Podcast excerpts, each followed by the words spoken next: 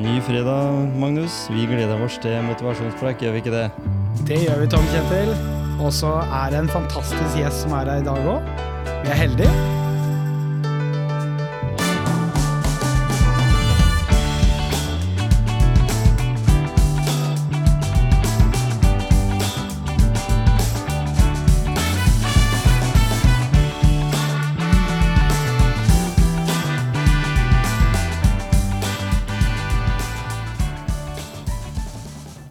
Ja, her er jeg tilbake igjen, vet du, på motivasjonspreik. Og i studio har vi da fått besøk av Ingeborg Lykseth. Velkommen til motivasjonspreik. Tusen takk. Takk. Du jobber eh, 100% med motivasjon, eller kanskje mer? Jeg er nok en del mer, ja. Det virker som at døgnet er mer enn 100% Ja. Jeg, jeg snappa opp en ting. Jeg måtte jo bli enda litt bedre kjent med deg, så jeg prøvde å finne alt jeg kunne på nett. Og en, eh, en episode du hadde spilt inn med Geir Tangen for ganske mange år siden. Han dreiv eh, og var på TV. Det er noen år siden, ja. Der sa jo Det der snakka dere veldig mye om deg også som person. Altså det det blei nevnt sånn helt mot slutten der, noen bokstaver. Må vi ha det i dag for å være en god motivator? Om vi må ha noen bokstaver. Ja, vi må ha noen bokstaver, for, for da blir kanskje døgnet mer enn 24 timer noen ganger. Ja, nei, altså noen bokstaver fra eller til er bare en fordel. Det er i hvert fall det vi sier i forhold til alle de vi møter som har fått bokstaver som en type diagnose. Men det er, det er bare sant? en fordel å ha noen av de. Jeg er helt sikker på at jeg har en hel haug, jeg òg. Ja, Hadde jeg vært født i dag, så hadde jeg helt sikkert fått noen. Så hadde jeg fått en, stilt en diagnose. Helt sikkert. Jeg også tenker sjøl, for hun jeg er gift med, hun sier jo hele tida at du må jo nødt til å ha noen bokstaver. Og jeg har en datter på 25, 26 som, som har fått diagnosen. Mhm. Og det er jo mange som snakker om dette her er arvelig, så ja, da er det kanskje noe hun har fått med seg. Det får, får så være. Men hun er i hvert fall kreativ og lever med det. Lever godt med det. Eh, Men hva tenker du, da, som, som eh, dame, jente? eh, hvordan har oppveksten din vært?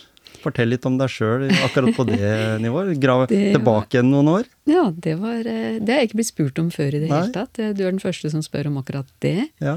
Nei, oppveksten min var sånn eh, barnslig romantisk. For jeg vokste opp på gård og hadde jo masse dyr. Og jeg fikk aldri nok av å være i med, tro det eller det er lett å tro på kanskje, kuene. ja. Det var liksom de mine favoritter. Jeg rei ikke på hester, jeg rei på kuer. Og jeg hadde selvfølgelig min egen ku, som jeg snakka masse med. Ja. Og eh, helt overbevist om at den hørte på meg. Mm. Fordi den gikk når jeg ba den gå, og den sto stille når jeg ba den stå stille. ja.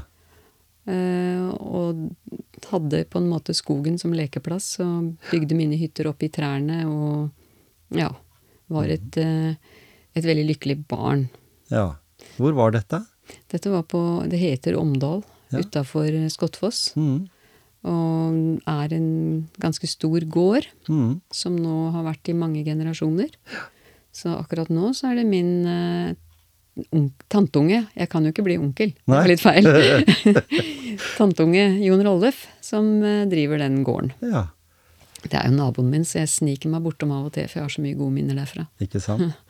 Og det, og, og det å vokse opp med, med kuer eller, eller dyr i det hele tatt, er jo kanskje eh, veldig eh, god inspirasjon for et videre liv, da. Fordi som du sier, de lytter i hvert fall på deg. De Og- gjør det. Og går ikke, snuker ryggen til og går. Ikke hvis ikke jeg ba henne gå. Nei, ikke sant? Det var selveste bjellekua Rita.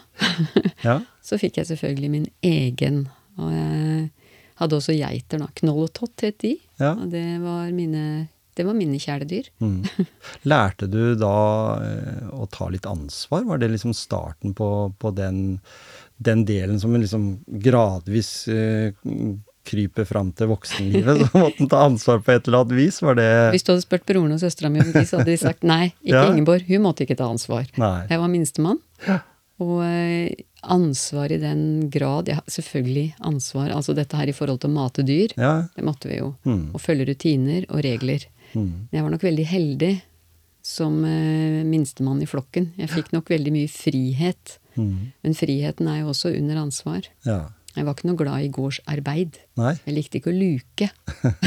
det måtte du Da løp jeg heller til skogs, så jeg slapp det. Ja. Ja, det var lett å løpe unna. Mm. For det var store steder å løpe på. Ikke sant? Og der oppe i Skottfoss-trakten og sånn, så er det klart at det er eh, med, I Dam så er det under ti minutter med bil. Men allikevel så Ja. var det jo Og det er jo fortsatt litt sånn som å komme på landsbygda, er det ikke det? Det er veldig på bygda. Ja. Og det er vi, det heter bygda. Ja. ja. Og det er, vi, det er jo få naboer, og naboene er gode. Det er veldig nære relasjoner mellom de fleste naboer, i hvert fall. Mm. Så det er et veldig godt sted å bo. Jeg bor jo der oppe fremdeles. Eh, Bygd hus som er utskilt fra gården, og angrer ikke et sekund på det. Nei.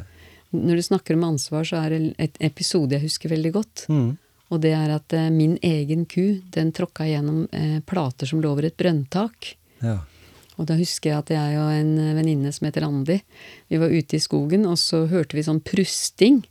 Så tenkte hva er det her for noe? Og så løp vi etter denne prustelyden. sånn, Vi hørte det var noen som sleit med å puste. Og da ligger jo da denne kua nede i brønnen med nesa over. Og da var ikke vi gamle tråkka.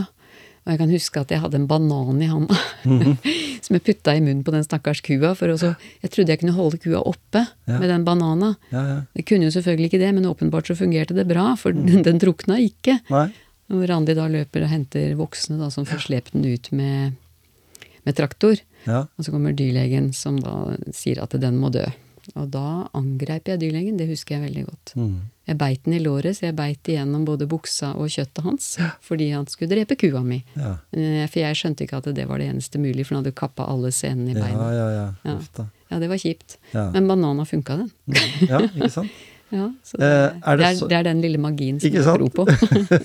Men, men da tenker jeg, hva er det som på en måte var den største inspirasjonskilden din da, når du vokste opp? Var det mye av det du gjorde sjøl, eller var det noen bestemte du kunne trekke fram liksom, her i dag, da, som har påvirka deg? Og mange. Jeg var eh, ekstremt inspirert av mange forskjellige mennesker. Eh, Søstera mi var en stor inspirasjon. Storesøstera mi. Mm. Hun var liksom supermenneske. Det var ikke en ting hun ikke kunne. Ingenting. Hun kan alt, og det kan hun fremdeles. Hun er fremdeles en stor inspirasjon.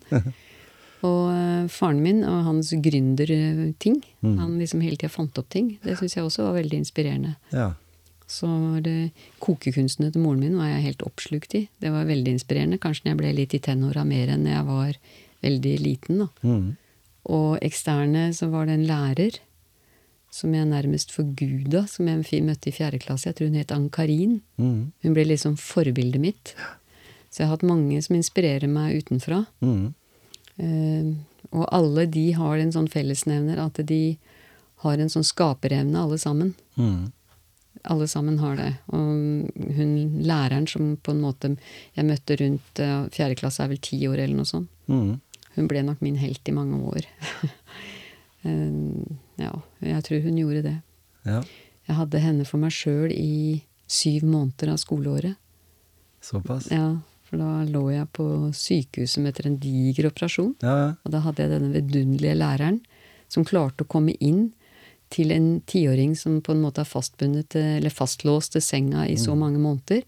Og hun klarte å få meg til å kjenne skog og natur og fugler. Hun fikk, hun fikk meg ut uten å ta meg ut av senga.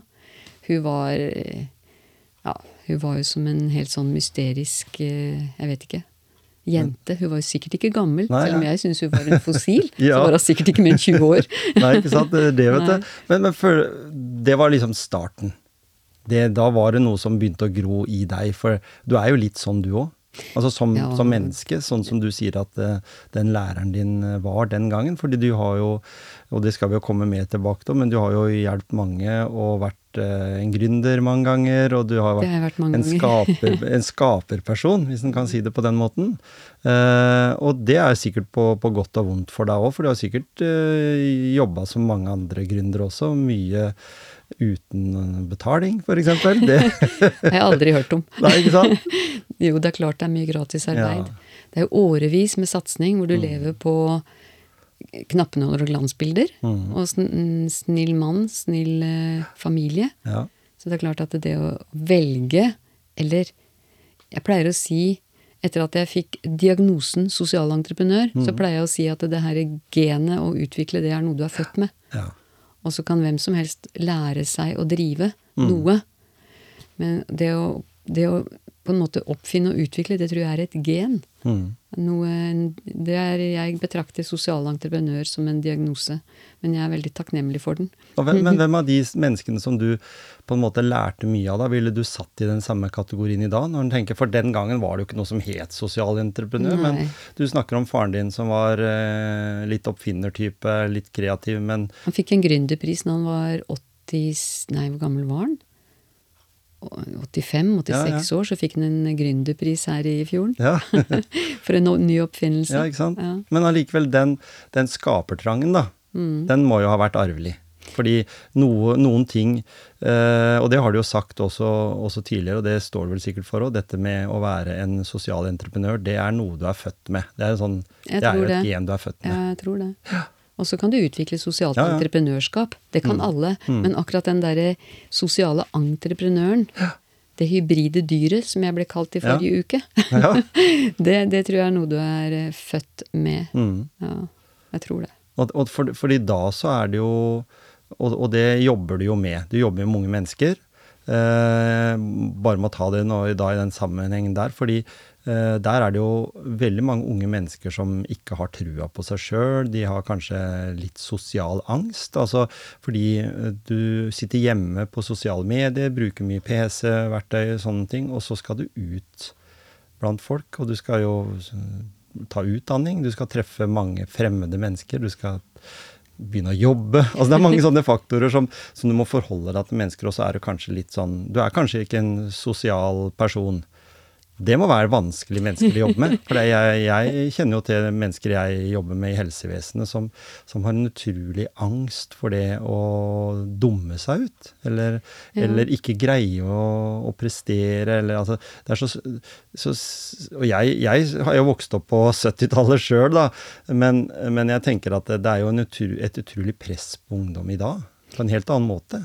På en helt annen måte, og det presset som er plagsomt mm. for de unge, sånn som vi erfarer det, det er jo de sosiale mediene, Ja. som ikke eksisterte på Nei, ikke sant. Mhm. 70-tallet eller 80-tallet eller 90-tallet nesten heller. Nei? 90-tallet så ble det jo en del av computer... 2000-tallet var liksom da eksploderte det, og så har det bare liksom de siste 10-15 åra bare tatt helt av. Det, det, er det, det er liksom så mange forskjellige press. Det presset som sosiale medier har på det eksterne ytre i forhold til hvordan det er riktig å se ut eller ikke se ut, Mm. Det er dominerende for veldig mange i ungdomsskoletida i hvert fall. Mm. Og så har du flink pikepresse eller flink guttpresse. Det legger de ofte på seg sjøl. Mm. Og det er et press som ikke de klarer noensinne å, å bli tilfredsstilte med. Og det også leder jo ut i en del type angster og depresjoner og de tingene der. Um, press er altså Presset også i forhold til det sosiale nettverket du skal ha, ikke bare på nett, men også utenfor. Mm. Og i og med at ikke så veldig mange lykkes med akkurat det med nettverk, så oppstår denne ensomheten, Mm. som er kanskje den største folkefienden akkurat nå. Ja. Det kunne vi ha snakka fire podkaster om. ja, ikke sant? For eh, ensomhet er en folkesykdom. Mm. Det er jo ikke en sykdom. Folketilstand. Ja. Og den har kanskje eskalert litt etter to år med pandemi òg, eller to og et halvt år med det òg? Det sies at den Ja. er det. Jeg erfarer det ikke. Nei, nei. Jeg syns den ensomheten var like påtrengende før, Før, ja. pandemien som den har vært under. Og jeg har snakka med ganske mange unge som på en måte fant pandemien som en befrielse. Ja, ja. Fordi de faktisk syntes det var greit å være aleine. Mm. Og nå hadde de en unnskyldning for å være aleine. Ja. og så kan man jo lure på om det var bra eller dårlig for den unge som sa det. Mm. Og jeg velger å ha tillit til at det var bra når det er det de sier. ja. Tillit er min drivkraft. Det er den sterkeste kilden jeg har til Mm. å være motivert for å holde ut i, dem, i den bransjen jeg jobber. Ja, ikke sant? Mm. Og det ordet tillit bruker du mange ganger. Jeg hadde jo med deg i boka mi også i 2015, var det vel, om eh, livsmotto. Og, og da hadde du jo definisjonen for deg hva tillit var. Ja, tillit og magi, det er knytta sammen. Mm. Ikke sant? altså, magisk øyeblikk, det er lett for folk å tro på. For hvis jeg spør Du har vel opplevd et magisk øyeblikk? Ja ja, sier alle da. Mm. Men tror du på magi? Nei, nei. Nei. Det er veldig rart. Jeg Ja. tror på magi. Jeg opplever magi stadig vekk. Mm. Fordi jeg legger merke til de magiske øyeblikkene, og fordi det fòrer sjelen min. Mm. Fordi det opprettholder tilliten min til at absolutt alt er mulig. Mm. Og at eh, jeg har sett mentale fengsel som på en måte har sluppet taket i unge mennesker som har vært fanga i disse fengslene i mange, mange år. Mm. Drukna i diagnoser som de har begynt å tro på. Nå skal ikke jeg være arrogant mot diagnoser, Nei, nei. men jeg vil påstå at det blir skrevet ut litt mer enn det som er nødvendig. Ja. Og jeg vil også påstå at ikke alle diagnoser er helt korrekte. Og så er det fint når diagnosen kan hjelpe den unge til å få bistand til det de trenger hjelp til. Mm. Eh, og langt oftere så blir diagnosen et fengsel. Ja. Eh, når den utløser støtte, så er det veldig bra. Når den Mm. utløser fagkompetente mennesker som kan bidra til at den personen som har fått denne diagnosen, kan opprettholde normal skolehverdag eller Mm. fortsette i arbeid, så er det tipp topp. ja. Det er dessverre ikke det ofteste. Det er vel ikke et ord. Ofteste. Oftest er lov å bruke det. hvis en kommer fra Grenland, så har vi jo det. ja. Nei, det meste, ofteste Der kom det Ja. igjen. Det må være mitt ord. Ja. Det er jo at det blir eh, fengsel, mentale fengsel ut av Mm. diagnoser. Mm. Jeg kan ikke gjøre det, for jeg har angst. Nei, jeg, jeg er depressiv og deprimert. Mm. Jeg er bipolar. Bipolar? Det er jo bare en tilstand som de fleste mennesker går rundt med. Ja. Bare at det blir definert bipolar når det er veldig langt ned og veldig langt oppe. Mm. Alle er jo oppe og nede. Og jeg kjenner veldig mange bipolare mennesker som lever aldeles strålende med Mm. diagnosene sine. Mm.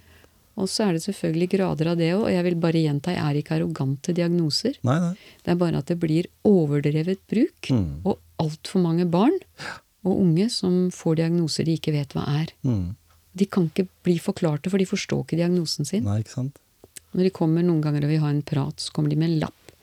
Viser fram diagnosen sin, for de kan ikke engang uttrykke den. Og da er de nede i ja, 12-13-14-15 år.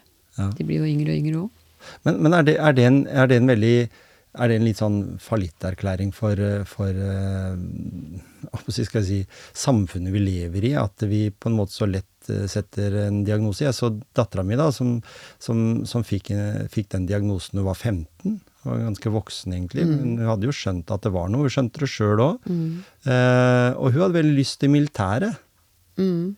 Eh, og når hun skulle ta sertifikat, så var det jo den som tok lappen veldig kjapt. Men alt der måtte jo krysse av for en diagnosen, ADHD, som hun da hadde fått. Og hun kom ikke inn i militæret. Nei. Jeg har bestandig sagt at det kanskje noen av de mest kreative de har hatt i Forsvaret, har, har hatt den diagnosen. Fordi Mm. det er liksom noe med dette her med, som du sier, eh, litt nysgjerrighet. Det er litt, litt det der å tørre å risikere eh, og sånn. At det ligger mye i det. Mm. Så, så det er jo bare en menneskelig atferd som, som er Altså, vi har vel alle noen en eller annen form for diagnose. Sånn er vi jo skapt. Men, men det er viktig for å bygge et samfunn at Mm. en hadde noen som da var den typen, og noen Mm. var den typen. Sånn, og sånn er det vanskelig alle. å leve av i dag. Mm. Vi På den trenger alle. Mm.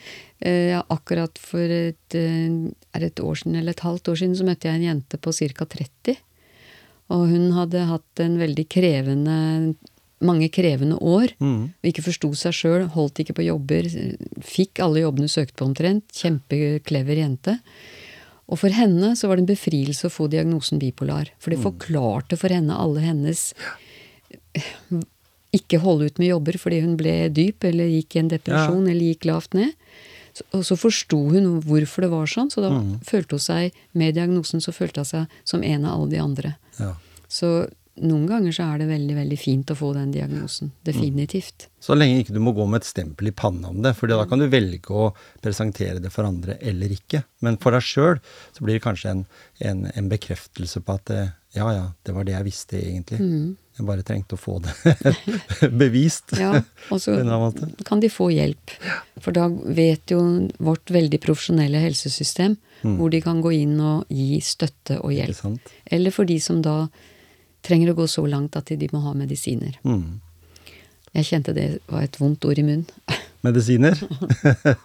jo, men altså eh, Jeg har jo lytta mye på podkaster, og annet en fastlege som heter Ole Petter Gjelle, da, som har Hjernesterk, annet. Han eh, er jo for veldig dette her med Ja, noen må kanskje gå på medikamenter, men ikke så mye, for du kan kompensere det med Mm. ting som du er glad i. Gå tur, eller være aktiv. eh, Holde kroppen i gang. eh, Som en viktig medisin. eh, Og han har jo vært gjennom sine problemer i livet med samlivsbrudd og, og, og slite litt, han også. Det for de er jo bare mennesker, eh, leger også. Ja. Eh, og, og sånn, og forteller åpent om det at eh, da er fysisk aktivitet, selv om det virker veldig fjernt i en periode der det å sitte seg ned i sofaen og ikke orke å gjøre noe, eh, virker mer naturlig, så er det viktig da med nettverk. Mhm. Er du en, en på en måte en eh, drivkraft for mange, da, eh, så er det mye lettere å dra deg opp av sofaen, komme, ringe på, banke på. Det er fortsatt lov. Men selv om ja, ungdom i dag ikke tror det er lov, så skal du liksom være på melding først. Mm. Eh, og så skal du åpne døra, og så skal du si 'kom her, du må bli med oss', liksom. Mm. Og det var jo han igjennom, som en ganske profilert person som kunne stå og holde foredrag for 500 stykker om, Mm. om, eh, om det med å, å være aktiv og ha med seg pasienter ut og gå, eller trene. Så, så sånn i utgangspunktet, når vi snakker om sosial entreprenør, du, har, du, er, eh, du starta filmselskap i 94. Eh, og du skulle ikke lage spillefilmer, men du skulle lage filmer som hadde en helt annen betydning. Det må, du, det må du si litt om, for det er liksom eh, starten på, på den, eh, de egenskapene du bruker den dag i dag. Det er helt riktig. Eh, Bare si noen ting i forhold til ensomhet først. Ja. Fordi vi snakka om det i stad, og da har jeg bare lyst til å si det at eh, jeg så en dokumentar en gang hvor en fyr som bodde langt inne i en eller annen dal i eh, Alaska, Mm. Hvor han hadde bodd aleine i mange, mange, mange mange år, og så var det en journalist som hadde klart å grave seg fram til den plassen hans. Mm. Og intervjua han, og midt i intervjuet så spør han men blir det ikke ensomt. Og da svarer denne mannen nei, ensomhet er noe som oppstår når det er flere folk til stede. Ja. Og det har jeg aldri glemt, for det, det ser jeg nå i det samfunnet vi lever i nå. Mm. Det er mange mennesker som er aleine, men de er ikke ensomme. Nei? Men det er de som er en del av et stort, spesielt nettmiljø, Mm. Som ikke har noen på utsida, og som heller ikke er en del av nettmiljøet, men de er i et miljø der. Det er de som blir ensomme. Ja. Eller ikke alle, men det er der vi opplever våre ensomme ungdommer. Mm. Det er nødvendigvis ikke hun eller han som er helt aleine. Og det syns jeg er bemerkelsesverdig, Ja. og det syns jeg er litt viktig å legge merke Det er til veldig viktig, egentlig. At eh, Og hun er alene, hun er ensom. Nei, hun er bare alene, trives i sitt eget selskap. Mm. Det er for meg i hvert fall en viktig nyanse. Ja. Så kan vi godt snakke film. Ja, ikke sant? Ja, for det, det var jo litt interessant, fordi når du da setter i gang med å, å lage film, så, så vet du jo alle, alle tinga innenfor det, for du hadde jo jobba noen år innen psykiatrien. Mm. Og du hadde jobba som coach, men så, så poppa det liksom inn det med ja, filmskaping. I 94 så vet vi jo hva slags utstyr og den teknologien som var den gangen. Svære Ja, greier. du måtte kunne mer enn Ja. det du kan i dag, for i dag kan du ha en mobiltelefon og lage ganske bra ting med, med apper og verktøyer og sånne ting. Det var helt før den tida. Ja da, jeg gikk to år inne i Oslo for å lære å produsere film, da. Ja. Og da var det jo litt sånn Det var ikke så veldig sånne spesifikke retninger. Vi lærte produksjon, vi lærte redigering, vi lærte regi, og vi lærte lyd. Mm. Jeg var mest opptatt av regien. ja. Så jeg skvisa unna alt jeg kunne på de andre tingene. For det var Jeg var på jakt etter kommunikasjonskunsten Mm. som regi er i stand til. Altså den formidlingsevnen som regi hadde. Mm. For det hadde jeg jo skjønt at det var de som styrte akkurat det. Og så en fotograf som klarte å billige det regien vil ha. Så det er jo et samspill. Mm. Jeg likte veldig godt det samspillet i det med å produsere film, da. Mm. og jeg ville bare lage filmer for det jeg, Den gangen så kalte jeg det for de stemmeløse. Ja. De som ingen ville høre eller se. Mm. De menneskene i samfunnet som ikke hadde noe rettighet. Jeg er jo gåseøyne nå, ja, for de har jo det. Ja. Men de opplevde ikke det sjøl. Så vi lagde jo bare oppdragsfilm eh, for bedrifter, nei ikke bedrifter, men organisasjoner og foreninger som, som trang å formidle noe de var til stede i verden for. Ja, ikke sant? Ja, for. Grunnen til at jeg vil nevne det, er jo fordi du har laget over eh, 100 filmer. Mhm. Det er ganske mye. Altså sånn Hvis en tenker på hvis du skal sette deg ned, det er mye planlegging, det er eh, en, del, en del ting som Det er ganske mye som gjøres før du starter kamera, egentlig. Ja, det er det. Og den gangen så Jeg var jo ikke aleine, jeg hadde jo gode aktører rundt meg. Ja. Hadde jo fotograf som var eh, kjempedyktig, og re re redigering, det var jo Gode Bremdal i Porsgrunn. Mm. Det er jo vår eldste redigerer her i fjorden, i hvert fall. Ja, Ja. Som kan gammel film. Han, Mm. Jeg lærte masse av Bjørn og av Jørn Steen. Jeg lærte masse av de to. ja, ikke sant? Eh, Så vi var en fin team i noen år. Mm. Så opererte jeg jo lenge på egen hånd, for filmene ble nok litt for smale Mm. for et større miljø enn meg sjøl. og, da- og de som da skulle ha de i forhold til en målgruppe den var laga for, da, disse Mm. filmene. Mm.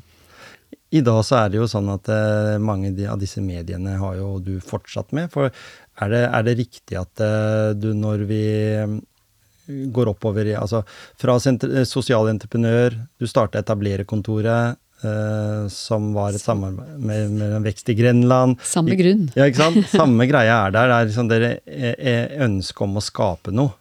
Eh, Fordi i dag så, så er jo etablererkontoret sånn innsmelta inn i andre organisasjoner, og mange dyktige mennesker som på en måte må finne eh, mest mulig ut av pengene. For det er jo, alt koster jo. Og Den gangen så, så skaffa dere jo penger kanskje lettere enn det en skaffer midler, hvis en kan kalle det det isteden, i dag. Ja, jeg vil jo si at uh, grunnen til at jeg starta Etablererkontoret, eller Mm. lagde den modellen og fikk midler av uh, kommunene her til å etablere det, Mm. det var jo nettopp at det var helt håpløst å komme som gründer inn i det offentlige systemet ja, og be om tilskudd. Det var jo ene og alene et rent mareritt. Mm. og jeg vet, det var, sånn, det var en sånn jungel av dører og korridorer Mm. og mennesker i forskjellige roller. Og det tok lang, lang tid når jeg hadde bestemt meg for å etablere at jeg klarte å finne en dør som var åpen. Mm. Og det var vel egentlig den gangen SND. Ja. Næringssjefen i Skien Ja, kommune var? Steinar Riis, og han sa følgende, jeg kommer ikke til å glemme det. Jeg er så lei av deg, sa Steinar. Du kommer igjen og igjen. Nå skriver jeg på det papiret, og så vil jeg ikke se deg mer. ja, ikke sant? Nei, Og det var litt sånn jeg opplevde det, selv om han sa det med et stort hjerte. Men det tror jeg. Steinar lærte mye av òg. Ja, men han sa det med et stort Ja, hjerte òg. Og så var det Tormor, Tormoripen. Æres Ja. de som æres bør. Ja, er en av mine mottoer. Tormoripen ga da etableringsstøtta Mm. på det som het SND den gangen. Ja. Og så ble det etablert Da starta jeg med delselskap, og så ville jeg starte etablererkontoret for de andre mennesker som hadde drømmer. Mm. Små mennesker kaller jeg meg, og mange andre, med store drømmer. De skulle ha et sted å eh, gå Ja, ja, for, for, å få hjelp. tida, sånn, på den tida der, midt på 90-tallet, så var jo eh, gründerordet Det var litt rart. Her i, her i Grenland så var det industri vi hadde levd av liksom i mange, mange mange år. eh, Fra etterkrigsåra og, Mm. og alt. Og så plutselig så skulle vi bli gründere. Altså et, et, et litt sånn unorsk ord, egentlig. Ja, det er jo ingen som egentlig vet hvor ordet stammer fra. Jeg har innbilt meg at det er tysk, men det er visst ikke det. Nei? Eh, Det er fremdeles et ord som ofte er forbundet med du vet, en sånn gründer, vet du. Ja. Det er ofte en sånn liten Ja. snert i det enda. Den gangen så var det jo mer fremmed. Ja, hva er en gründer egentlig? Ja, det er det jeg mener òg. Det var liksom rart å liksom komme til noen og så nå skal vi starte noe, og vi skal starte noen som skal etablere seg. Det var jo ikke snakk om å etablere eh, organisasjoner eller korps eller idrettslag. Det var liksom snakk om å skape arbeidsplasser. Ja. Som var annerledes arbeidsplasser Mm. enn en det som var. Vi hadde jo Union, vi hadde Hydro, vi hadde alle industriene liksom rundt forbi oss. Det var mange Så- fantastiske ideer som poppa opp på det Ja. kontoret, Det vil jeg tro. som da fikk muligheter til å bli født. Fordi de fikk et sted å være, et sted å diskutere, Mm. og plutselig tilgang på det riktige nettverket på utsida. Nemlig. Som eksempel Næringskontoret, Mm. Eh, som var den gangens kilde til å få støtte. Mm. Eh, og da er det det å ha et sted å være og diskutere med andre, som sitter med samme drømmene, samme hårete måla, uten å ha ord på det engang. Mm. Men definisjonen Ja, ikke sant? Det var eh, fin tid, det. Ja. Bra at det, lever. At det ble tatt tak i, og nå er jo det Provencia ute Mm. Ja. Mm. på Herøya, som er liksom den videreføring av det, i hvert fall her i, i Grenland. Mm-hmm. Så fins det tilsvarende gründerskap, eller sånne kontorer i Sandefjord, Ja. eh, Tønsberg. Mm. Så det vokser fram, og det er jo veld, en vik, veldig viktig vei å få den hjelpen. fordi jeg vet jo det sjøl har, har vært en sånn gründer som har grynda masse, hvis jeg kan si det på den måten, uten at det har vært spesielt, spesiell uten spesiell suksess. Fordi jeg har på en måte ikke Jeg har brukt for mye hjerte og ikke så mye hue. Det er noe, pleier jeg å si. Litt for mye hjerte, litt lite hue. For da du begynner å bruke huet, så begynner du å tenke konsekvensen av at her må man tjene penger, hvor lenge kan jeg holde på før kontoen er tom, og sånne ting. Mens med hjertet så så ser du jo at eh, ideen din bare gir, gjør mange glad. Så Ja, og så mange gründerskap som ikke er blitt definert som suksesser, er allikevel en suksess for Mm. Noen et sted. Og akkurat det grunnlaget som ja, du det sier. er det. De er drifta fra hjertebanken, Mm. og det er også en bank. Det er ikke bare den i banken med penger. Nei, ikke sant? Den hjertebanken er like sterk, den. Det er bare kapitalen som er litt svak der inne. Ja.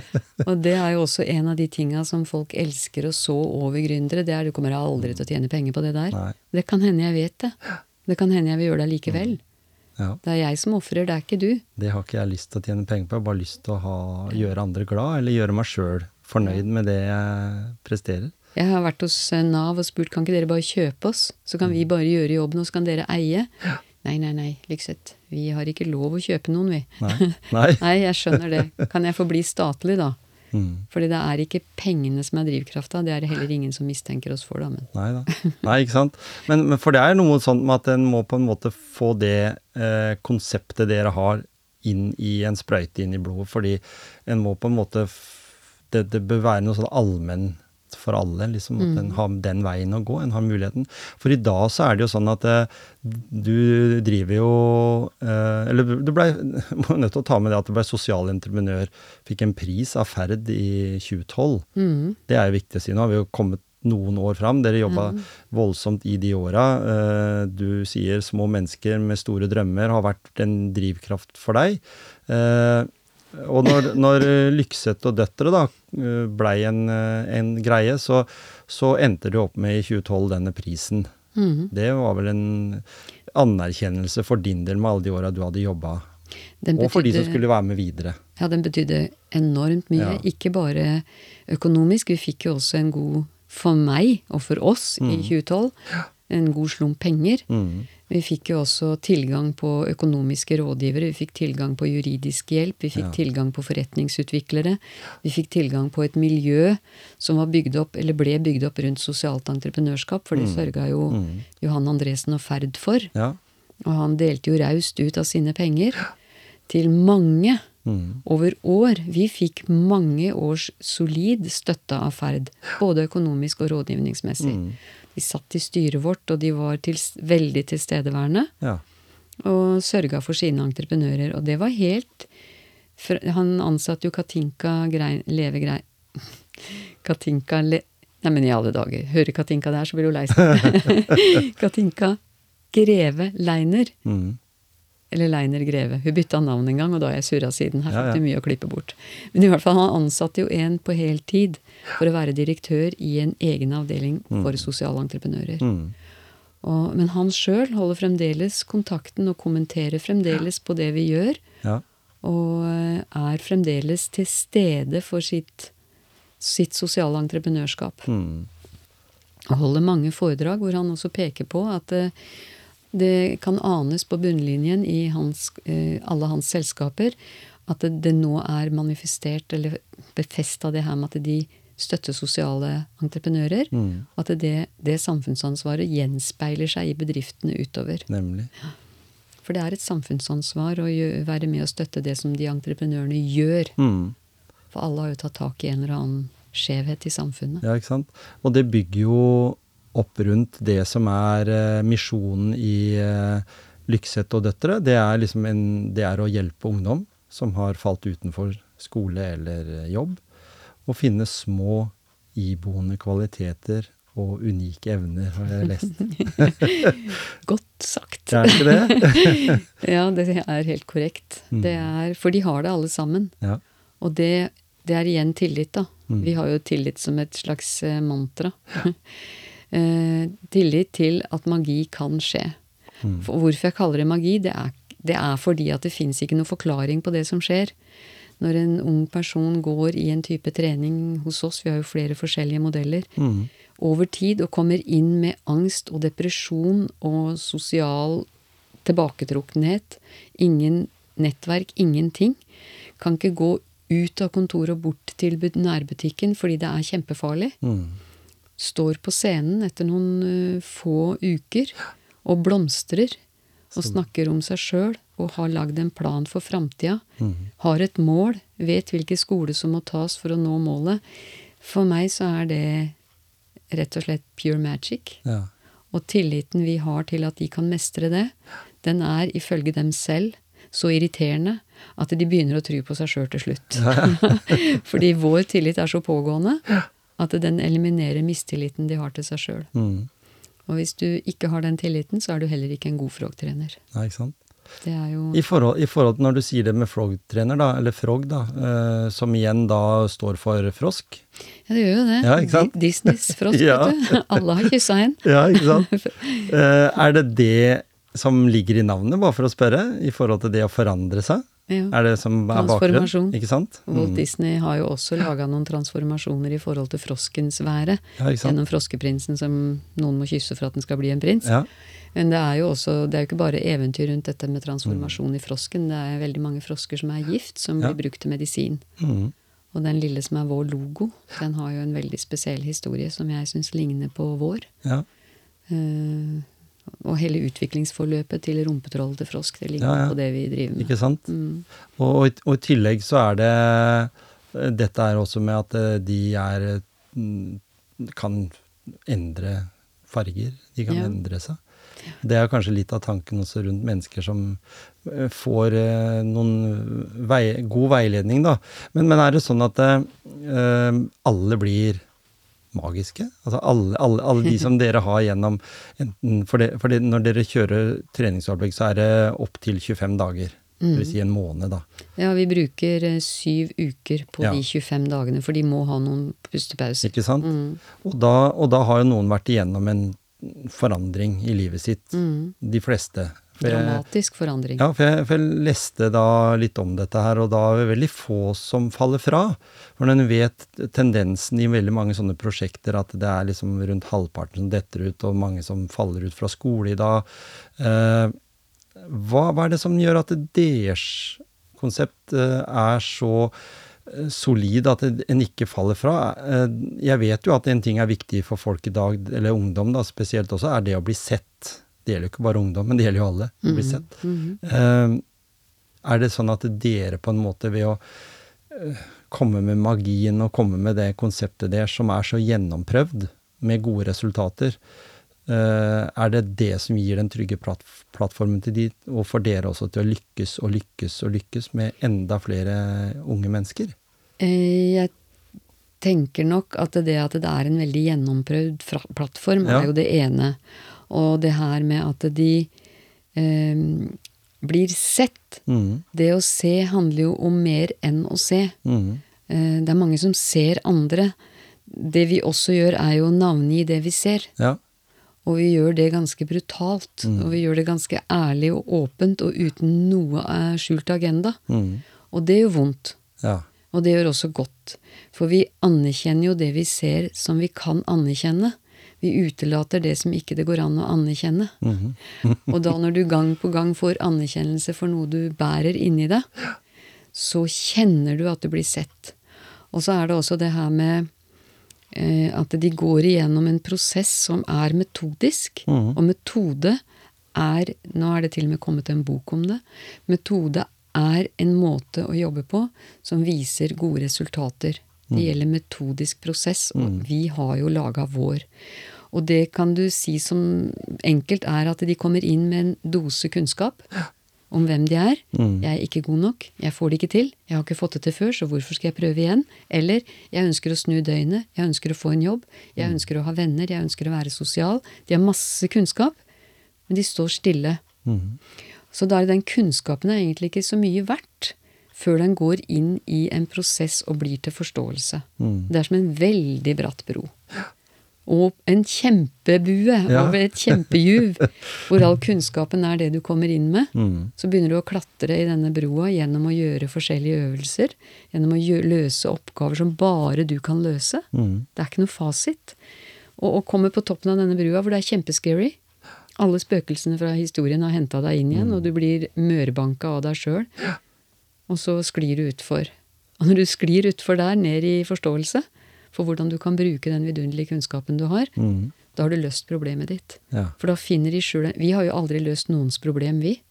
Det gjør de jo sjøl. Ja. De kommer ned i andre enden av denne broa i en sånn pool av forståelse for seg sjøl. ja, ja. Plutselig så vet de hvordan de skal klare hva de trenger å gjøre for å få jobben. Mm. De har hele tida visst det. Men de forstår ikke verdien av det. Nei. Når de lander i forståelse, så på en måte finner de løsning. Ja. Og i dette her ligger magien. Og når de finner løsningen, så får de en helt ren magisk handlekraft som de velger å stå i, for de har en forståelse for hvorfor det er viktig. Ja. Det er ikke noen som har sagt at du må gå på skolen og ta en utdannelse for å få en jobb. De har funnet forståelsen for hvorfor det er viktig. Mm. Og på den måten så har de da eh, i så langt lykkes med sin egen utvikling og vekst. Mm. Og i og med at den er så dypt mentalt, så er vel det en av grunnene til at de blir stående i det. Selvfølgelig faller det noen bort, og det er jo alltid trist. Mm.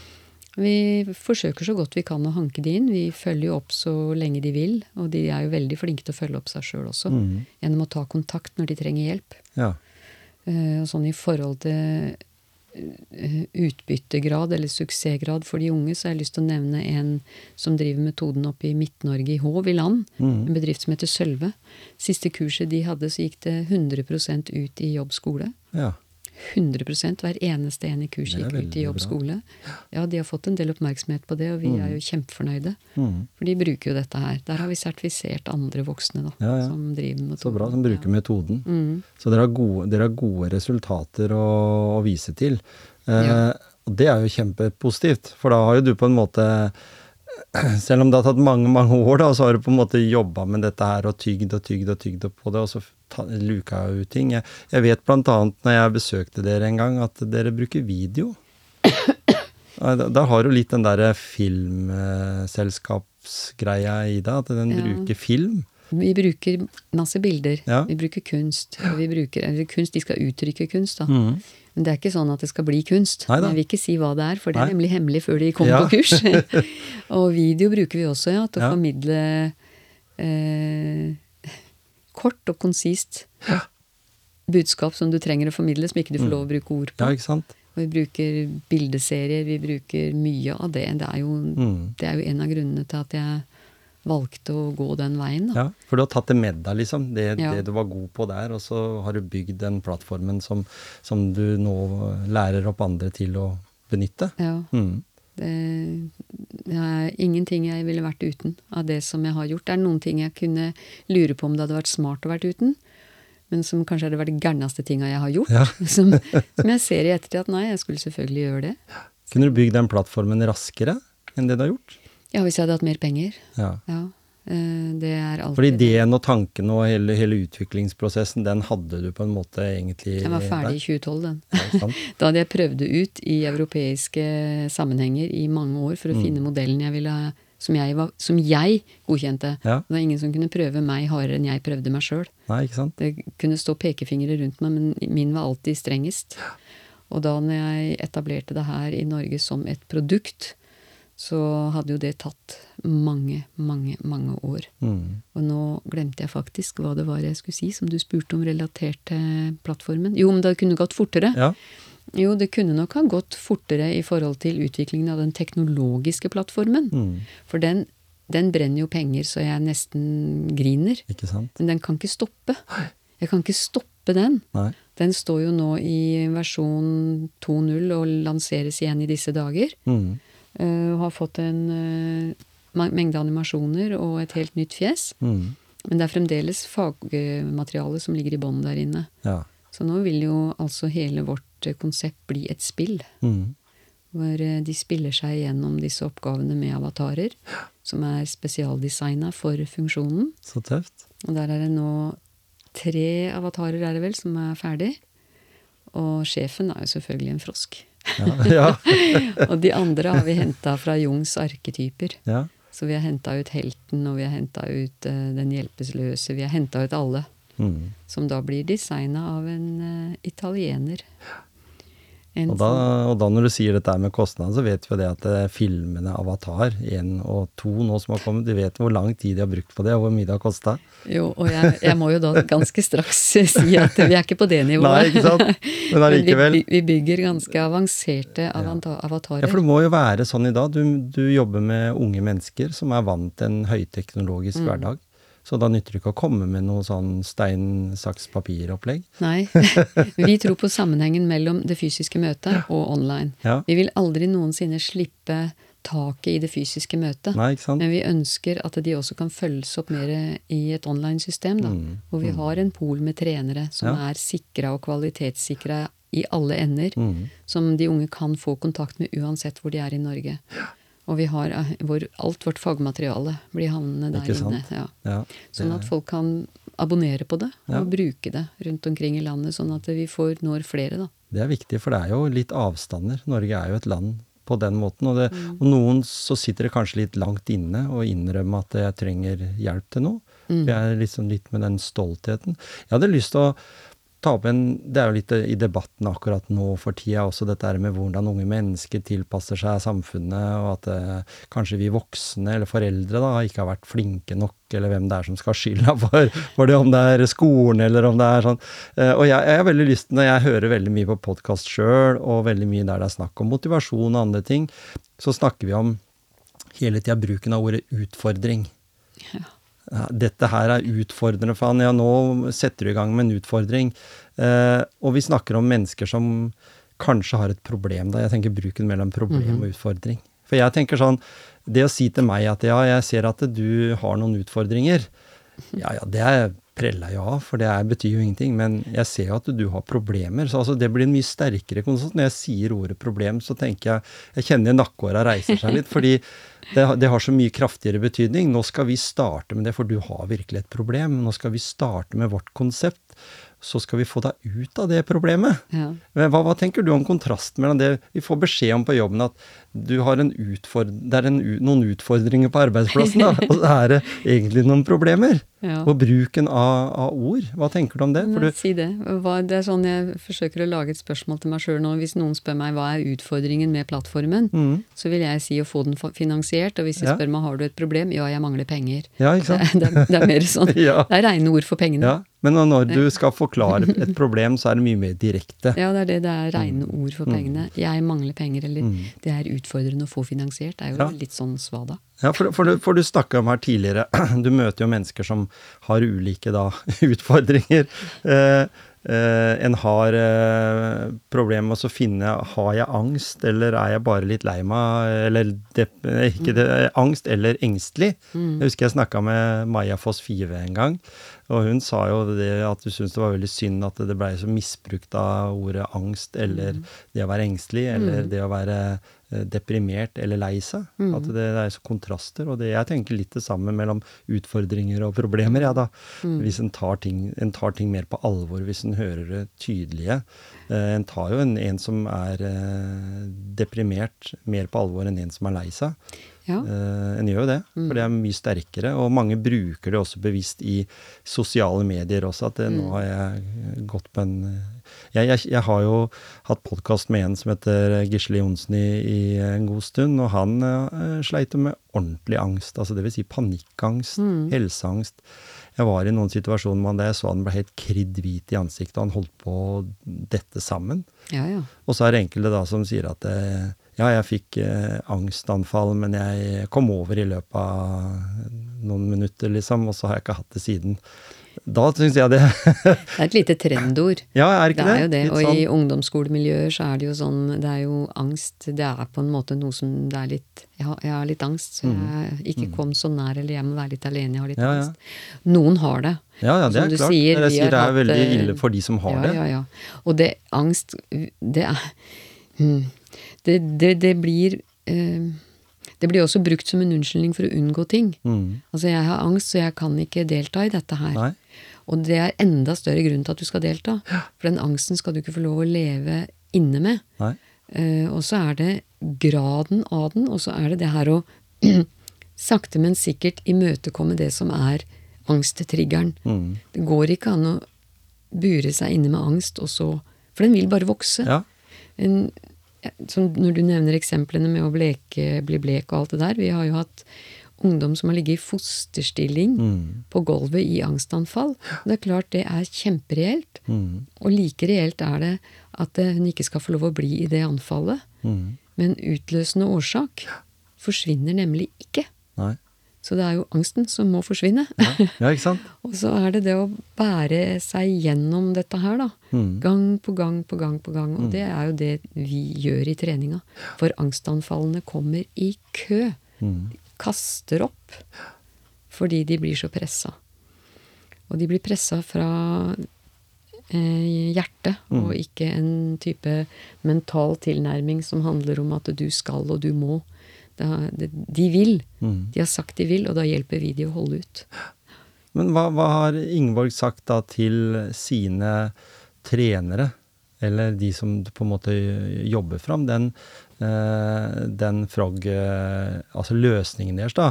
Eh, eh, om dette her med motivasjon, for jeg er litt interessert i motivasjonspreik. vet Du, du, må jo helt sikkert motivere de, for jeg vet jo sjøl av egen Altså coaching, det er ikke det er ikke noe utømmelig fra en person. Er, du må få påfyll som, som coach og som, som mental trener, eller hvis en kan kalle det det. For det er jo på en måte alt. Dere er jo PT-er, dere er mentale trenere, dere er, dere er eh, ledere. Dere skal skape nye uh, gründere eller andre ledere, eller, eller i, i en utdanningsplattform til unge mennesker. Eh, og da vet jo jeg at det er mange av de som du har i jobb da, som når de kommer hjem, så er de helt tømt. Ja, noen er det, og noen er påfylt. Ja, ikke sant? Det er Det er veldig det er forskjellig eh, hvor, veldig hvor forskjellige som mennesker der. Vi har jo en del, vi har ganske mange trenere i Norge nå rundt omkring på forskjellige steder. Mm. Og de er veldig flinke til å ringe når de trenger motivasjon. Og vi samler de jo eh, i, på, i, alle på en gang. Mm. Ja, for det er en sånn motivere. strategi dere har. Ja. For at det blir kjent, godt kjent, og så, Ja. og så løse de eh, utfordringene Ja, som måtte få nytt påfyll. Vi dikter nye øvelser som vi kan friske opp det vi har- gjør, som de kan veldig godt, Mm. for å bli motivert til nye. Og eh, motivasjonen i de fleste av de vil jeg påstå er å se suksessen hos deltakeren. Ja. Og se de unge som blomstrer. Mm. Og det å motiv selvmotivering, for min del, så handler jo det om jeg må finne noe å motivere meg med hele tida. Mm. Det kan være sola bak skya, det kan være hva som helst. Mm. Det er jo litt om hvor en velger å ha fokuset sitt hen. Mm. Jeg kan finne nok av vondter og ting å ha fokus på. Det er ikke nødvendig, for det blir bare verre. Ikke sant? Og så har jeg lyst til å nevne en bok som er en Ja. sånn kjempemotivasjonsfaktor for meg. Mm. Som kom ut i forrige uke. Helt fersk. Helt fersk, og det er det nyeste innen forskning på det feltet som vi jobber. Mm. Og det føler jeg nesten som en slags belønning for alle de årene med strev, for den boka har eh, mange kapitler. Ja. Og det er forskere fra Universitetet i Oslo og fra nei, Høgskolen på Innlandet som har skrevet dette her. Mm. Det er faktisk to bøker. Den andre har jeg snakka om tidligere. Men den her heter da Samhandling, samhandling og inkludering En gang til. Samhandling og inkludering i arbeidslivet. Mm. Og i den boka så er eh, vår metode beskrevet i et helt kapittel Ja. som en løsning. Overskriften på det kapittelet er 'Kommunen vil, men får det ikke riktig til'. Nei. Og det handler jo om da å kjøpe sosiale entreprenører. Mm. Og det ligger veldig langt inne. Men denne boka håper jeg da kan belyse at vi er ikke, vi er ikke profitører. Velferdsprofitører. Nei, Det er ikke oss. Ikke? De fins, og de fins nok alle steder. Mm. Uh, den har et helt kapittel som bare handler om Frog. Mm. Og for de har fulgt da Frog i to år, ikke hos oss, men hos en av våre partnere i Norge. Ja. Uh, Sølve igjen i HV Land har Mm. hatt forskning på seg i to år, hvor ungdommen er fulgt opp, treneren er fulgt opp, og de har sett da hvordan det metodiske på en måte har en helt absolutt konkret effekt. Mm. Det Motiverer meg helt hinsides. Ja. ja, for han, da snakker vi om samme som har hatt 100 uttelling. Det er samme bedriften, ja. Ikke, sant? ikke på alle kursene Neida. sine, Nei, men, men, de sånn- hadde det på siste. Ja, ja. ja det, det, er det som teller. Ja, og det interessante sant? er at det siste kurset de kjørte, eller det nest siste de kjørte, var som var 100 mm. Det må jeg korrigere. Nest siste. Det var et 16-dagerskurs og ikke et 7-ukers. For vi har utvikla noen nye kurs nå å, for å tilpasse oss det behovet som har vært ute i samfunnet. Mm. Denne boken beskriver også det, og den beskriver et helt kapittel med sosialt entreprenørskap. Ja. og hvordan vi blir stoppa i samhandling med det offentlige fordi vi veldig ofte mistenkes for å være pengejegere. Ja. Det, det går liksom ikke an å ta mer feil. Og her er det heldigvis en helt, et stort forskningsprosjekt i flere elementer som tar tak i det og belyser det. Og på en måte gir en slags aksept og anerkjennelse for det sosiale entreprenørskapet, og ikke minst den sosiale entreprenøren. Det er så motiverende. Jeg går rundt med den boka på meg. Ja. Ja. I ryggsekken og i handa og i veska. Og jeg leser og leser og leser. Og kjenner hvordan det motiverer meg til å holde ut. Og vite at jo, jeg har tatt et riktig valg. Selv om jeg har gjort fryktelig gærne ting. Og ting som jeg, som jeg sa i stad som ikke jeg vet. Skulle jeg ha gjort det? Jeg har gjort det. Det må være en grunn til det. Ja. Det blir som det skal, pleier jeg å si. Ja, ikke sant? Og, og det er jo Det må jeg si at det inspirerer jo til å jobbe videre, og en vet altså at det har et konsept som har suksess. Spesielt også det når du trener opp andre mennesker eh, som skal tenke litt som deg. Ja, det må jo det, eller tenke litt som dere, det dere har med dere i bagasjen. Eh, vil Altså Er motivasjonen blant de litt sånn at det, når du sier dere samles og sånn, at den kan komme med innspill, erfaringer, og så utvikles Frog-konseptet seg eh, flere veier?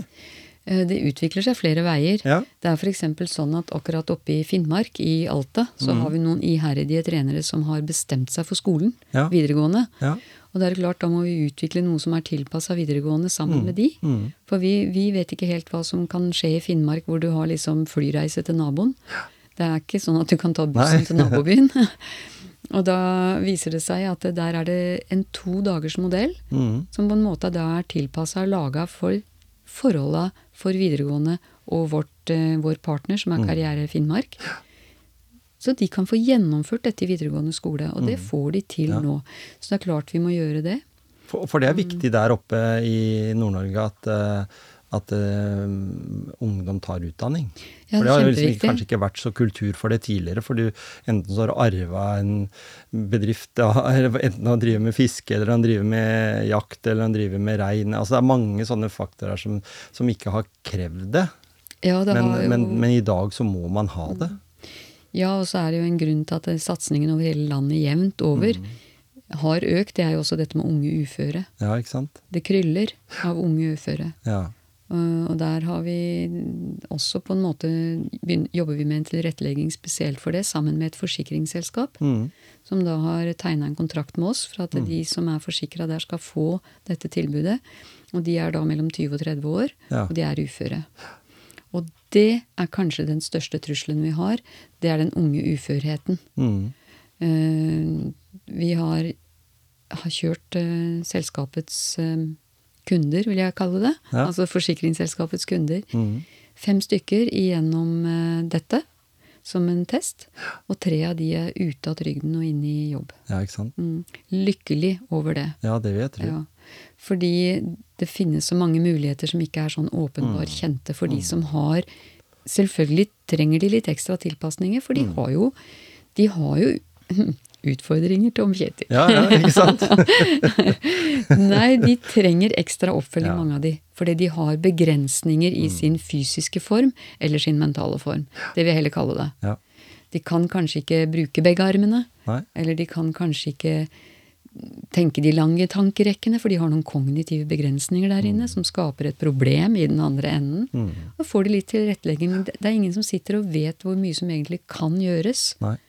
Eh, Så der er oppgaven å forsøke å få en avtale med Nav for å få jobbe med de unge uføre. Ikke sant? Og det syns jeg er en veldig fin greie du sier der, fordi når jeg hadde en prat med Cato Zahl Pedersen, så jobber jo han da i en gruppe bestående av ca. 400 000 mennesker som har ulikt form for handikap. Det kan være små og store eh, problemer, vil jeg si da. Eller altså, det er noen sånne ting som, som da og, og han mener jo det at de tilbakemeldingene han får, det er altfor ofte at eh, de blir ikke gitt noen sjanse.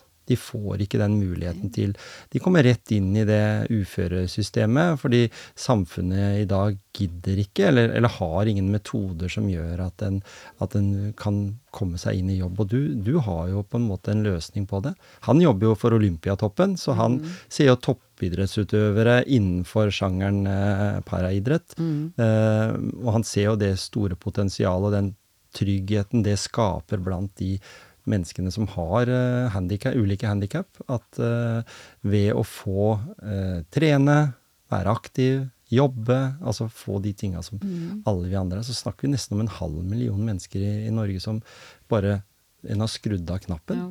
Det er veldig synd. Ja, og så er det også veldig synd at de blir snakka om som om de vil det. Mm. Jeg, jeg har fått kommentarer som at du skal jobbe med uføre, ja. Good luck! Ja. Tror du de vil gi fra seg den trygda de endelig har fått? Og da er jeg helt sånn Ja, faktisk så tror jeg det. Mm. De er 20 år. Jeg tror nok de ganske mye heller vil være inkludert i et arbeidsliv eller et utdanningsløp med den supporten de trenger. Mm. Det er bare det at den supporten blir ikke automatisk lagt fram. Nei, ikke sant? Fordi også ja da, det fins noen som kjemper for å få den, og aldri i verden gir den fra seg. Klart det, men da skal de nok ha den. Men det fins like mange som gjerne ønsker å komme ut av et uføre og inn i en hva skal kalle det, aktivt liv Ja. med jobb og utdanning. Med support hvis de trenger det. De tre jeg refererte til i stad, de trenger ikke support. Nei. De står sjøl i sine egne jobber Ja. og er veldig fornøyde med det. Ikke sant? Og, og når, du, når du sier det der, så har jeg lyst til sånn helt på, på, mot slutten her eh, Ta akkurat den eh, problemstillingen eh, at myndighetene i dag tror, og det har jeg lest mange steder, at alle som går på uføretrygd, syns det er kjempekult å motta penger og ikke gjøre jobb. Eh, jeg tror det, og, det er ikke noe forskningsresultat jeg har på det, men jeg tror det at voksne eh, mennesker på vår alder som går på uføretrygd, og som bygger hytte ved siden av og er veldig aktive, og, men klager over en vond rygg. Jeg tror det eh, er liksom de eh, regelverket nå som myndighetene prøver å legge opp til, at en skal ha alle folk i arbeid, og det er ikke noen unnskyldning for å, for å være ufør. Eh, gå litt mer der, da. De som tar, håver inn en million kroner på, på snekkerarbeid eh, ved siden av det å få den trygda. Eh, det er ikke der de som du sier, de unge menneskene er. Det er det sultne unge Ja. mennesker som ønsker å, å vise at de kan bidra. Mm. De ønsker å bidra, og de ønsker å være en aktiv, inkludert del. Ja. Og om de har fått en uføre, så er ikke det noe endelig. Nei. Og det fins så mange veier ut av det. Og vi er en av de. Mm. Og det er jo også motiverende, da, i Ja, forhold til sant? motivasjonspreik. Og så har jeg lyst til å si en ting til, og det håper jeg det er plass til. Jeg begynte jo med familie og inspirasjon og motivasjon fra, de, Mm. fra barndomsfamilien. Ikke sant? Men jeg må jo si at det er sånn som i dag og i de, alle de årene med denne utviklingen, så er det jo ingen som har vært mer motiverende for meg enn min egen familie. Nei. Min samboer, som er min beste venn og min største motivator, Mm. sammen med de tre døtrene mine. Ja. Altså både Anne Ma og Vera og Marte. De er store inspirasjonskilder. Og så har jeg også to bonussønner Ja. som også er inspire, inspirerer meg og motiverer meg. Mm. Men er det når jeg er skikkelig butter imot og jeg smeller huet i døra, så ringer jeg jo døtrene Ja. eh, og syter. Ikke sant? Ja, ikke Og da har de på tre vidt forskjellige måter Mm. klarer de å motivere tilbake. De, er, de, de nesten skulle ikke tro de var søstre, så ulike er de. Nei, nei. Men at de greier å møte meg på det som jeg blir sliten av, Mm. og motivere meg opp på nytt, definitivt. Ja. Og de er veldig gode på å sjekke inn. Ja, de er nesten synske innimellom. Har de lært litt av, har de lært litt av mammaen sin òg? Stakkar, de har jo måttet slave for meg i alle år. Jeg fant faktisk en kuriositet, vil jeg kalle det, når vi, vi driver og, og har pussa opp hjemme, så jeg rydda. Så fant jeg eh, eh, sånne blanke, gjennomsiktige ark som ble brukt på Heter ikke overhead? Overhead? Ja, Mhm. det fant jeg, og de var produsert for et kurs vi hadde på Vestlandet. Mhm. Og da er det min eldste datter som har tegna de, og da var hun 14 år. Ja. Og da er hun med meg på jobb, og hun står og bytter de her arkene. Ja, ja, Så de stakkars menneskene har jo måttet jobbe for meg siden de ble født. Det er som barnearbeid. Barnearbeid, ja. Blir straffa for det i dag. Men de har eh, vel mye å Hadde vi hatt de her i dag, så hadde de kunnet sikkert hatt masse positivt å si om deg òg. Og det får du sikkert høre òg. De har masse på hjertet, Ja, det kan du sant? si. Og de er flinke til å nevne det som er positivt, og de er også Ja. veldig flinke til å si fra hvis det ikke er bra. Ikke sant? Og det, der har de litt sånn forskjellig kompetanse på hvordan de velger å gjøre det. Ja. Og gitt, du har gitt dem en god ballast på Jeg veien. håper det. Jeg Ja. håper virkelig det. Ja. Som du sa her helt innledningsvis, at hvis vi skulle snakke om enkelte ting om dette, her, så kunne vi prata i timevis. Mm. Lage mange podkastepisoder. Mm. Eh, Jeg tenker at vi har blitt bedre kjent med Ingeborg, og vi, også at vi har fått liksom litt fram den motivasjonen som du har i, i den hverdagen du har, og i den jobben du har, og det du har hatt helt ifra den tida du begynte å jobbe. Du har alltid, i hvert fall, vært uh, skrudd sammen om å hjelpe andre mennesker. Ja, det her eh, det, Første gangen jeg opplevde at jeg hadde et oppdrag, da var jeg 13 år på ungdomsskolen. Jeg ble henta av rektor og bedt om å løse en konflikt i skolegården. Og det, Jeg visste ikke hva han mente engang, men jeg følte at jeg hadde et oppdrag, for jeg ble henta for å gjøre Det var to som ikke ville gå inn. Den ene skulle til skolepsykologen, og den andre skulle inn til timen, og de ville ikke gå. Nei. Begge to. og De slåss veldig ofte, akkurat de to her. Ja. Og da sa han du er så flink til å snakke med folk, kan ikke du snakke med de to her, og så få sant. de til å gjøre som jeg ønsker Altså ikke jeg, men rektor den gangen. Ja, ja. Det gikk fint, det. Så det endte jo med at jeg ble henta mer enn én gang. og jeg hadde noen lange samtaler med, på kontoret der med det var, det, var en, det var to rektorer, eller så var det rektor og rådgiver, jeg husker ikke. Det var en fantastisk trio på toppen der som Mm. besto av eh, tre menn. Som jeg hadde veldig mange samtaler med, som spurte meg om mye rart, kan jeg huske. Mm. Men det var veldig positivt. ja. Så ja, jeg har jobba med mennesker hele tida, og motivasjonsfaktoren i det er alltid å se at de lykkes. Mm. Det gir meg en god følelse. Og da når du sier det der med skole, så tenkte jeg helt til slutt der nå I dag så har jo Du jobber jo mye med videregående skole og, og arbeid. Eh, og så leser man i, i med, ulike medier at eh, det, en sliter voldsomt med motivasjonen for ungdomsskoleelever også. At det faller fra, folk blir lettere hjemme. Mm. Eh, skylder kanskje igjen da litt på pandemien, men uansett, eh, de har litt lettere for å velge det alternativet. Og så skal da myndighetene har de ønske om å sette i gang strenge tiltak og fraværsprotokoller og ja, eh, Parade var et ord som var i skolen. Komme og sitt, gjensitting, altså sånne ting. Eh, har det, har det noen eh, Er det noen god løsning for deg som jobber med å motivere unge mennesker? Nei, jeg vil si Straff? at det er straff er aldri noen god løsning. Nei. Jeg har lyst til å trekke fram en ungdomsskole som er et forbilledlig eksempel. Mm. Den ligger midt i Oslo, på Apaløkka. Mm. Og der blir alle elevene møtt hver eneste dag av jeg lurer på om han er sosiallærer eller sosialrådgiver Mm. og rektor. De må levere mobiltelefonene sine, og de Mm. får det ikke igjen før de går hjem. I vinterhalvåret så har de fire bålpanner i skolegården, hvor de brenner bål Mm. og serverer varm kakao til alle ungene, ungdommene. Og alle blir sagt hei til i døra. Ja. Og av og til så sier de at de er veldig lei av dette heiet. Jeg møtte også to elever fra skolen som jeg fikk Ja. intervjue. Men så sier de også at når de ikke da, noen som har sagt hei, så savner de det. Mm. Og de blir på en måte så sett som mennesker på denne skolen. Og gjett hva? Har de fravær? Nei, Nei, ikke sant? de har ikke det. Det, det er helt forbilledlig, den driften de har. Og den er klart det Det høres veldig enkelt ut, fire bålpanner og en kakao. Ja, ja. Det er ikke så enkelt. Nei. Det er masse byråkrati som skal på plass for å kunne gjøre det der. Mm. Og det å ta fra de mobiltelefonene, det er jo nesten synd og fy og skam.